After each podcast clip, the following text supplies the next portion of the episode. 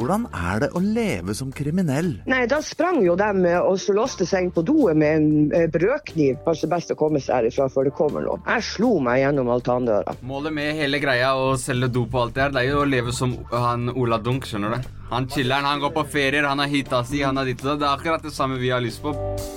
Hør røverhistorier gratis der du hører podkast. Dette er Avhørt. Torpedoen og milliardæren. Del 15.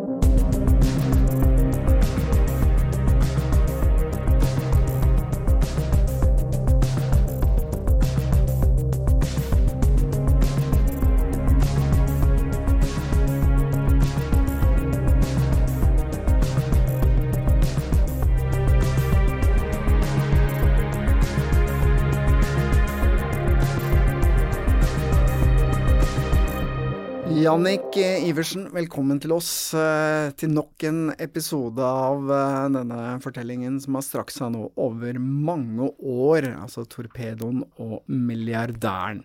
Og du har jo kommet inn til oss nå fordi at nå har det jo endelig skjedd noe i denne saken din. Kan du ikke fortelle om det? Jo, vi har kommet så langt at vi har sendt søknaden til gjenopptakelseskomiteen. Ok, dere har sendt inn en begjæring nå. En begjæring, ja. Ja, hva er magefølelsen? Magefølelsen er Ja, det er mye følelser akkurat nå, for at det Det har vel gått nesten syv år siden jeg begynte med denne saken her. Fra VG slapp ut sitt med skrivinga om Røkke, Per Overdal og meg. Og disse lydbåndopptakene. Og, det, og de lydbåndopptakene. Ja, det var jo gjennom disse artiklene her i VG at du ble sånn veldig kjent navn i, i Norge. Ja. Mm. Og det har kosta krefter. Uh, mye mer enn jeg trodde. Jeg trodde at vi, vi aldri skulle komme opp dit som jeg havna i dag. Du har hele tiden sagt at uh, 'jeg gir meg aldri'. Ja. Denne saken skal tas opp igjen, og du har jobbet iherdig nå, som du sier da, i, i mange år. Og vi har jo fulgt deg et par år, så vi har jo liksom sett hvordan dette har påvirket deg også. Hvordan har det påvirket familien din? Og utrolig mye. Utrolig mye. Uh, jeg har ikke vært lett å leve med i i siden jeg kom ut av fengselet. Som jeg sa til dere, at der inne må jeg legge tankegangene ut. Men når jeg kommer ut, så skal sannheten og rettferdigheten seire. Og det har kosta krefter. Så den ondskapen, den feigheten og den løgnen Kjell Inge Røkke og han assistenten hans, Øyvind Eriksen, har gjort overfor min familie, det kommer til å slå 100 ganger verre tilbake. Hva vil jeg og mine familier håper. Men hvorfor har det tatt så lang tid å få sendt inn denne begjæringen om gjenopptakelse? Det blir jo sånn, Stein Morten, at du vet sannheten er der ute så skal du finne hvem er som er den riktige mannen å snakke med, og som har den samvittigheten til å snu. Og for meg var jo Ari Holden, for jeg vet han har det, og han har bevist at han har det. Så han skal ha en stor, stor del av denne æren her, at vi har kommet hit vi er i dag, og få sendt inn den uh, begjæringa om gjenopptakelse. Mm. For å kunne sende inn en sånn begjæring om gjenopptak av en sak, så må det foreligge nye beviser, eller eh, noen kommer og forteller en uh, ny versjon av en historie de har fortalt før. Noe som kan være grunnlag for at uh, saken får et annet utfall. Men kan du fortelle noen ting uh, om hva som faktisk står i denne søknaden? Det kan jeg ikke, og det beklager jeg. Men det er for at vi vet hvilke mennesker vi jobber med. Og for å si det på en annen måte, vi har hatt et uh, møte hos Jon Christian Elden. Jeg kan heller ikke si innholdet der, men det, et, det var et bra møte. Mm. Og det nye som har kommet fram, det må Ari Holden komme inn og bli intervjuet, eller komme inn til uh, begjæringskommisjonen, eller gjennomsakelseskommisjonen, og fortelle sannheten som man vil gjøre. Det har jo hele tiden vært et tema fra fra advokatkontoret Elden sin side at dette handler jo om taushetsplikt, og at uh, Jon Christian har taushetsplikt fordi at Kjell Inge Røkke har vært uh, klienten hans, og at denne taushetsplikten også gjelder Arild Holden fordi det er en sånn, hva kalte de det for noe, en parallellforskyvning eller et eller annet, at uh, så lenge Arild Holden jobber i det samme firmaet, så gjelder den taushetsplikten for han nå. Uh, har det vært et, uh, problem og et tema som dere har diskutert? Det er klart det har vært et problem, men du kan se at Arild Holden, advokat Arild Holden har ingen taushetsplikt overfor Kjell Inge Røkke. Arild Holden var min advokat. Så, og hvis, hvis, man tenker og tror at det er Ari Holden som har svikta Elden, Elden sitt kontor, så er det helt feil.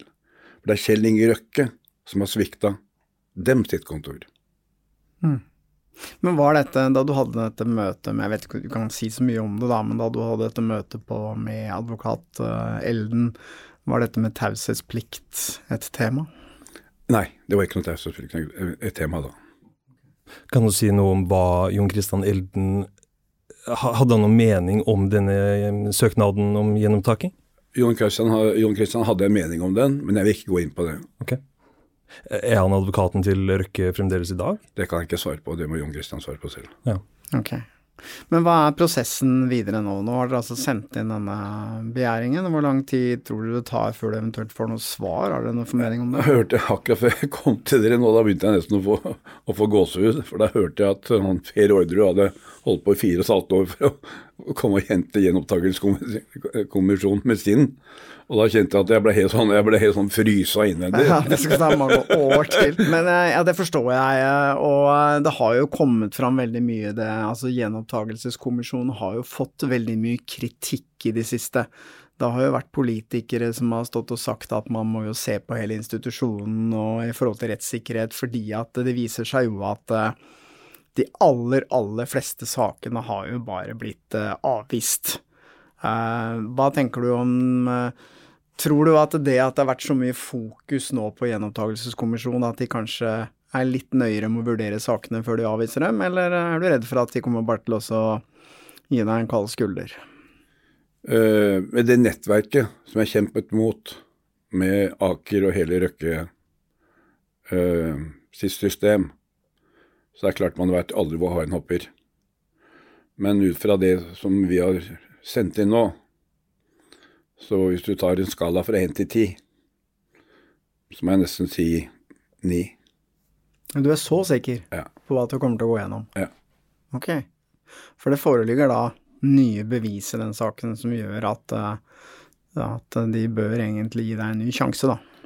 Jeg bare eh, forventer at eh, etter jul at riksadvokaten Mårud henter den søknaden ned på det gjentakelseskontoret gjentakelsekontoret og tar den opp til, seg selv på det, hans kontor, og tar den derfra. For den der, den der, den kan en blind elefant stemple og si at den skal tilbake til rettsalen. Men du har jo hele tiden sagt at uh, Røkke er jo såpass mektig at han uh, Det er ingen som tør å legge seg ut med han uh, her i Norge. Uh, og vi har jo også hørt politifolk som har sagt at Bekrefta noe den, samme, da. At han nærmest er fredet. Tror du ikke at det samme kommer til å skje en gang til nå? At det kommer liksom bare til å gå vinter og votter av tid, og så blir det bare fada ut, og så skjer det ingenting? Du er ikke redd for det? Vet du hva, Stein Morten, jeg er ikke så redd så veldig mye. Men denne saken her skal der han skal. Koste hva det koste vil. Uten at jeg skal komme med den ene eller andre. Nå skal jeg, som jeg sa til dere når dere besøkte meg utenfor fengselet, eller når jeg kom ut, at nå skal sannheten og rettferdigheten seire. Og, og jeg har ikke kommet i mål, men jeg har kommet så utrolig langt på vei. Sånn at familien min øh, og jeg, vi kan sette oss ned og så få en god jul. Så du sendte meg jo et uh, bilde i helga, at du feira litt med hummer. ja, hummer har jeg ikke spist på mange år. og det, det, den hummeren der og den colaen det var, og, og de, den toasten var noe av det deiligste etter at du, du hadde fått levert en sånn søknad inn. Og uff, få puste litt. For mm. det det dere ikke vet, eller dere vet jo det, men det er så korrupt oppå toppen på, i det politisystemet. Og når jeg ser i ettertid har sett hva den statsadvokaten, han Terje Nederbø Mikkelsen, at uh, enten er så udugelig, eller så er han så medsona i hele det råtne systemet som er på politihuset, at de menneskene der de må fratre fra alle sånne posisjoner som kan skade andre mennesker over så lang tid. Det er en skam. Nedrebø Mikkelsen var jo aktor i saken din. Helt riktig. Ja. Og så kan jeg komme med en liten digresjon, fordi jeg satt på kaffebrenneriet, og så kommer det en fyr bort til meg og sier hei. Og så tenkte jeg hvem er du, tenkte jeg. Og da viste det seg faktisk at det var han, Ja, ja. Nedrebø Mikkelsen, og presenterte seg og satte seg ned, og vi hadde en prat, da. Og eh, mitt inntrykk var at han fortsatt mente jo at eh, det var ikke noen tvil om at du var skyldig i denne saken her. Han hadde ikke endra noe ståsted, for å Nei, si det sånn. Det hadde han ikke, altså. Nei, men eh, du er forberedt på at dette kan ta lang tid? Ja. For å se på Viggo Kristiansen-saken. Ja, er- Der ble vel første begjæring om eh, gjenopptaking sendt inn i 2008, tror jeg, og syv-åtte ganger eh, påfølgende etter det. Eh, og det ble jo det, det kom jo ikke nye beviser inn. Eh, De bevisene som la grunnlaget for denne gjenopptakingen som man står overfor nå, er jo de samme bevisene som ble sendt inn i 2008. Det er jo bare denne kommisjonen som eh, ser ok, Viggo Kristiansen, nei, han er jo skyldig, så avvist. Men nå eh, vet vi jo historien der. Det endte jo med noe helt annet. ja, og det er skremmende. At en mann skal sitte inne 21 år før han får lov å komme. Og han kommer ut, og så skal de ta han opp til, til, mm. tilbake til eh, rettssalen. Det, er, eh, det bare viser litt hvor elendig kompetanse der er ute i, i systemet. Ja. De, med disse menneskene som skal ta de avgjørelsene. Jeg forstår at du føler deg urettferdig behandla, Ja, og at du du, si mener på- at du fortjener en ny sjanse. Ja, ja, det er ikke tvil. Men du kan tenke deg bare hvor frekk og udugelig han der eh, Nedebø Mikkelsen klarer å sette seg der og se hvilken makkverk av jobb han har gjort. Og hun dommerfullmektigen som satt der, som har, de må ha funnet i fjæra, klarer å sitte mer på bakrommet og ringe 1881 for å vite som hvilken paragraf hun skal ha. Forstå ikke én dritt. Jeg har snakka med så mange advokater nå, utenom mine egne, og de bare sier det er katastrofe, det er justismord, herfra til helvete, ferdig snakka. Ja. Men hvis, eh, hvis du vinner gjennom dette, Annik, og det blir en eh, ny eh, rettssak, så kommer det til å bli et enormt mediesirkus igjen, da. Er du innstilt på å takle det? Jeg er innstilt på å takle alt det som kommer. Det har jeg bestemt meg. Og så hard er jeg i huet, og så bra gener har jeg. Og det er derfor jeg har gitt, gitt beskjed til alle. Jeg kommer aldri til å gi opp. Og det gleder meg hvis, når den dagen kommer, og han Anders Nortesmoen skal komme inn der, som solgte sjela si for penger og tjenester til Røkke og Øyvind Eriksen. Det er en skam, Ja. hele gubben. Vi må ha en liten oppdatering på hvem denne Snortheims Moen er. Han er Ja. jo den som ble ansatt for å sørge for at uh, sikkerheten rundt Kjell Inge Røkke var på topp. Og du hadde jo et møte i en bil med Snortheims Moen. Og det er tre møter med han. Ja, men kort tid før du ble pågrepet for, uh, og tiltalt for utpressing av Røkke, så hadde du et møte i en bil med Snortheims Moen. Kan, kan du bare fortelle kjapt om det? Eh, Det møtet var at han ville at jeg skulle ro- ned, han skulle ta kontakt med Røkke, det var jo samme hele tida. Men de, de- han forsto at ikke jeg var he, ikke interessert og ha noe kontakt mer med dem. Nei, for det, det her, dette møtet med Snortheinsmoen var i etterkant av disse tre andre møtene med Røkke, hvor dere Ja. diskuterte hva som eventuelt skulle betales ut. Ja. Ja. Og så eh, blir Snortheinsmoen kolla på, og da kommer politiet. Ja. Og du kan ganske I forkant av det, av det siste møtet med Sortheim, så sender han meg en SMS. Og da er han på fjellet, og jeg sender han en SMS. Dette fikser jeg sjøl. Og da sender jeg meg en SMS at Jannik, vær, vær så snill, vi, jeg, vi kommer ned fra fjellet nå. Jeg skal finne løsninger. Det skal ditt, det skal datt. Ferdig snakka. For I de møtene som du hadde med Røkke, snakka han på noe tidspunkt om å skulle gå til politiet, han? Nei, nei, nei. nei, nei, Så det var etter Snortheinsmoen ble kobla på at Ja. politiet ble involvert? Ja, for da- det som var litt spesielt her, var jo at du hadde altså tre møter med Snortheinsmoen, og kun timer etter det siste møtet oppe på Bjerke, var det det? Mhm. Så slo jo døra Slo politiet ned døra di, ikke sant? Ja. Mm. Jeg slo ikke døra, men de, de sto på utsida av døra. Ja, ikke sant? Ja. Da kom de inn ganske mange og, Mm. og pågrep deg. Ja. Så det er jo liksom, Timinga her er jo litt sånn spesielt. Tror du det var Snorteinsmoen som 100%. ringte gamle kollegaer og sa nå skal dere hente Jannik? 100 at han sto bak det der. Det, det er ikke noe å tenke på. Og, og så må det, det kanskje ikke folk har tenkt på, det er at når jeg ikke er villig til å finne noen løsning med Kjell Inge Røkke, hvilken alternativ har han? Kun én, og det var det kortet han brukte. Det var å få meg med en falsk anmeldelse med, at jeg har pe- pengeutpressing på den. Ja. Se hva han taper. Hvis, hvis jeg får gjort det jeg skal, og politiet tar han inn og gransker det som, han, som de skulle ha gransket, som de ikke har gjort i min sak, så er Røkke ferdig. Punkt én, han vil bli dømt. Punkt to, ingen investorer, finansinstitusjoner, heller banker, vil ha noe med han å gjøre. Se hvilken fall han har. Ja. Fordeler Kjell Inge har, at han har Storteismo der, som en, uh, som en gammel politimann. Han har Øyvind Eriksen der, med sitt fantastiske nettverk. Så han har alle. Han har så mye lakeier, kakerlakker, at han styrer hele bøtteballetten. Du sa der eh, at du ikke lenger var interessert i å finne denne løsningen sammen med Røkke. For jeg husker jo òg at eh, du sa til Snorteinsmoen i dette siste eh, møtet med han at du nå kom til å gå til politiet og anmelde Kjell Inge Røkke. Helt riktig. Så da er jo tanken her eh, Ville de komme det i forkjøpet, da? Det var det, det, var det de gjorde. Mm. Og det var jo, Ut fra Kjell Inge så var det et veldig bra trekk, Mm. hvis man skal hvis man må se helheten på det. Absolutt. Ja. Men at du har en politimann som, som har jobba i politiet i 37 år, og selger sjela si for noen penger og noen tjenester, jeg blir bare kvalm. Jeg blir rett og slett kvalm. Men Hvis vi spoler litt tilbake til da du ble pågrepet, eh, hvordan forløp disse første avhørene seg? Jeg regner med at du ble avhørt ganske kjapt? Jeg går ikke i avhør. Nei, du bare nekter. Ja, ja. Og det sier jeg til alle mennesker som er med en gang politiet henter dere, gå aldri i avhør. Ring advokaten. Så kan man kanskje se det i ettertid. Kanskje jeg i den saken her skal levert et avhør sammen med min advokat der. Men det er ikke sånn jeg er lava.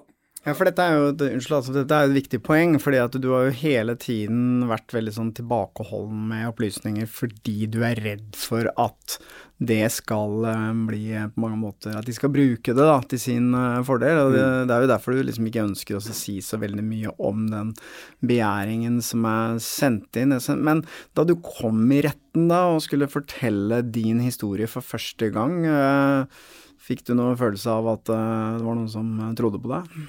Jeg sa det til advokatene mine i pausen der. Her har vi tapt. Og de ble sånn, sånn litt på meg. Hva? Her har vi tapt. Jeg så møtte han politiadvokaten Terje Nede- Nedrebø Mikkelsen, forsto jeg med en gang gjennom de spørsmålene han stilte meg, at jeg var ferdig.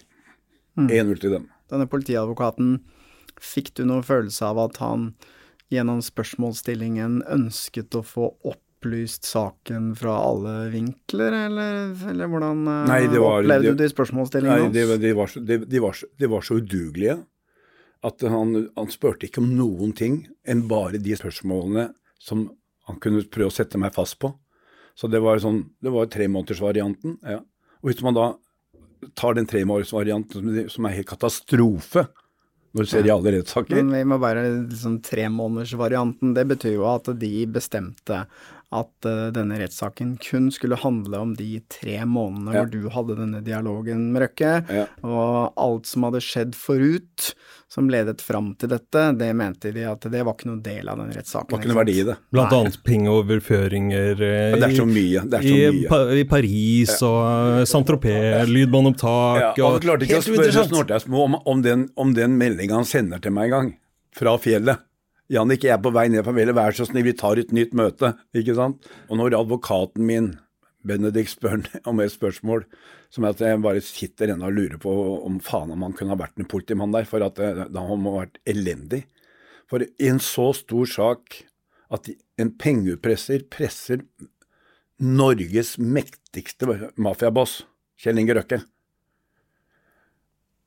Og advokaten min spør han, tok du opp noe av de samtalene?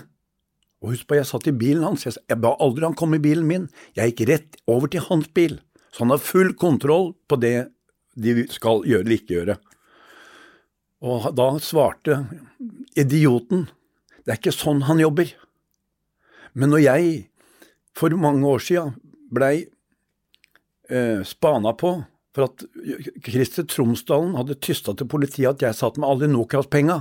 Jeg kan fortelle at det var, at det var, eh, var eh, ble tatt opp. ble tatt opp. Ja. I alle varianter. Ja. Og de holdt på med meg i seks måneder. 40 mann etter meg hver dag. Alt ble tatt opp. Ja.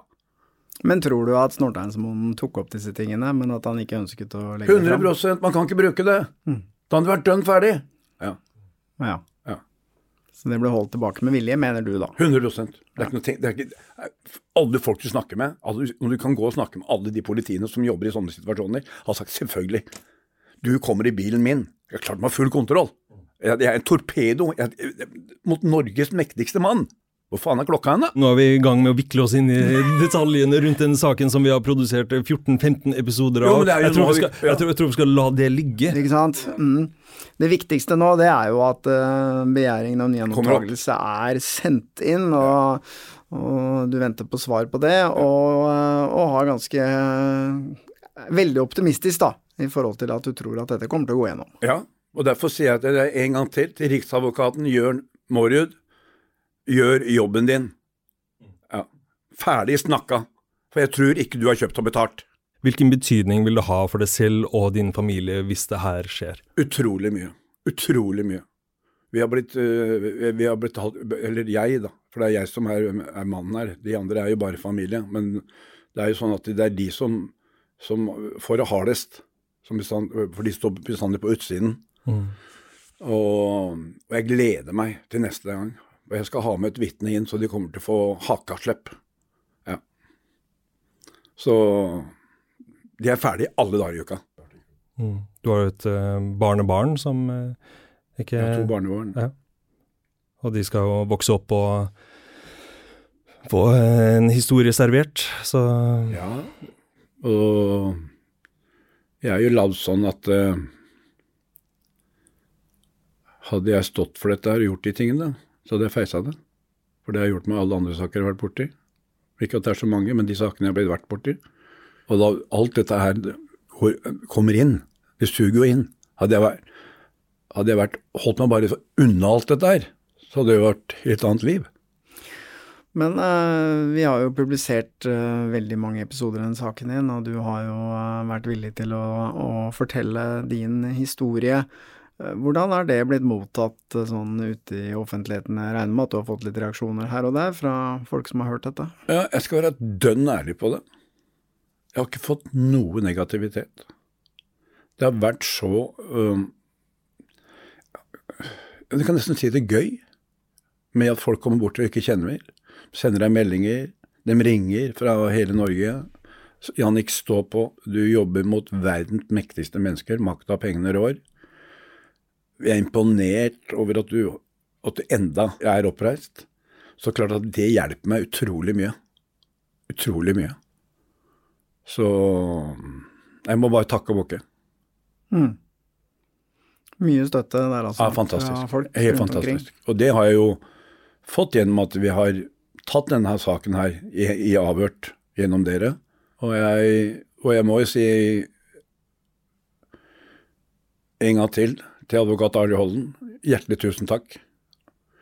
At du snudde og viste din sanne, sanne rettferdighet. Eller jo, rettferdighet og modighet i den kampen som vi nå skal gjennom. Vi la jo merke til, Helga, at øh, den der eh, første episoden i hvert fall om øh, Janniks historie var vel en av de mest delte episodene i hele 2022 på, Ja. på iTunes. en episode som ble gitt ut eh, for to år siden, er en av de mest delte nå i 2022. Så det er ikke noe tvil om at det er stort engasjement og stor interesse for denne saken din, da. Det er hyggelig å høre, og da må jeg bare gå enda tilbake til riksadvokat Mårud. Jeg håper du hører på denne podden her, så du forstår at eh, denne saken er ikke avsluttet. Det blir veldig spennende, Jannik. Eh, tusen takk for at du kom til oss for å dele denne nyheten med oss. Og så får vi uh, håpe at uh, det går uh, veien for deg, og så får du ha en god jul. Takk. Du og familien. Takk, takk. Mm. takk til. Og så vil jeg gjerne si en julehilsen nå til alle lytterne. Alle dere jeg har møtt som ikke jeg vet hvem jeg har møtt og den godheten og varmen jeg, jeg, har fått av dere og min familie. Så hjertelig tusen takk, og ha en riktig fin jul. Avhørt er produsert av Batong Media. Redaksjonen vår består av Stein Morten Lier, Helge Molvær og Lars Christian Nygårdstrand. Temamusikken vår er laget av Altered States, og hvis du vil høre eksklusive episoder av Avhørt, gå inn på podmy.no eller last ned Podmy-appen. Du finner oss på Facebook som Batong Media, eller på Instagram som Avhørt podkast.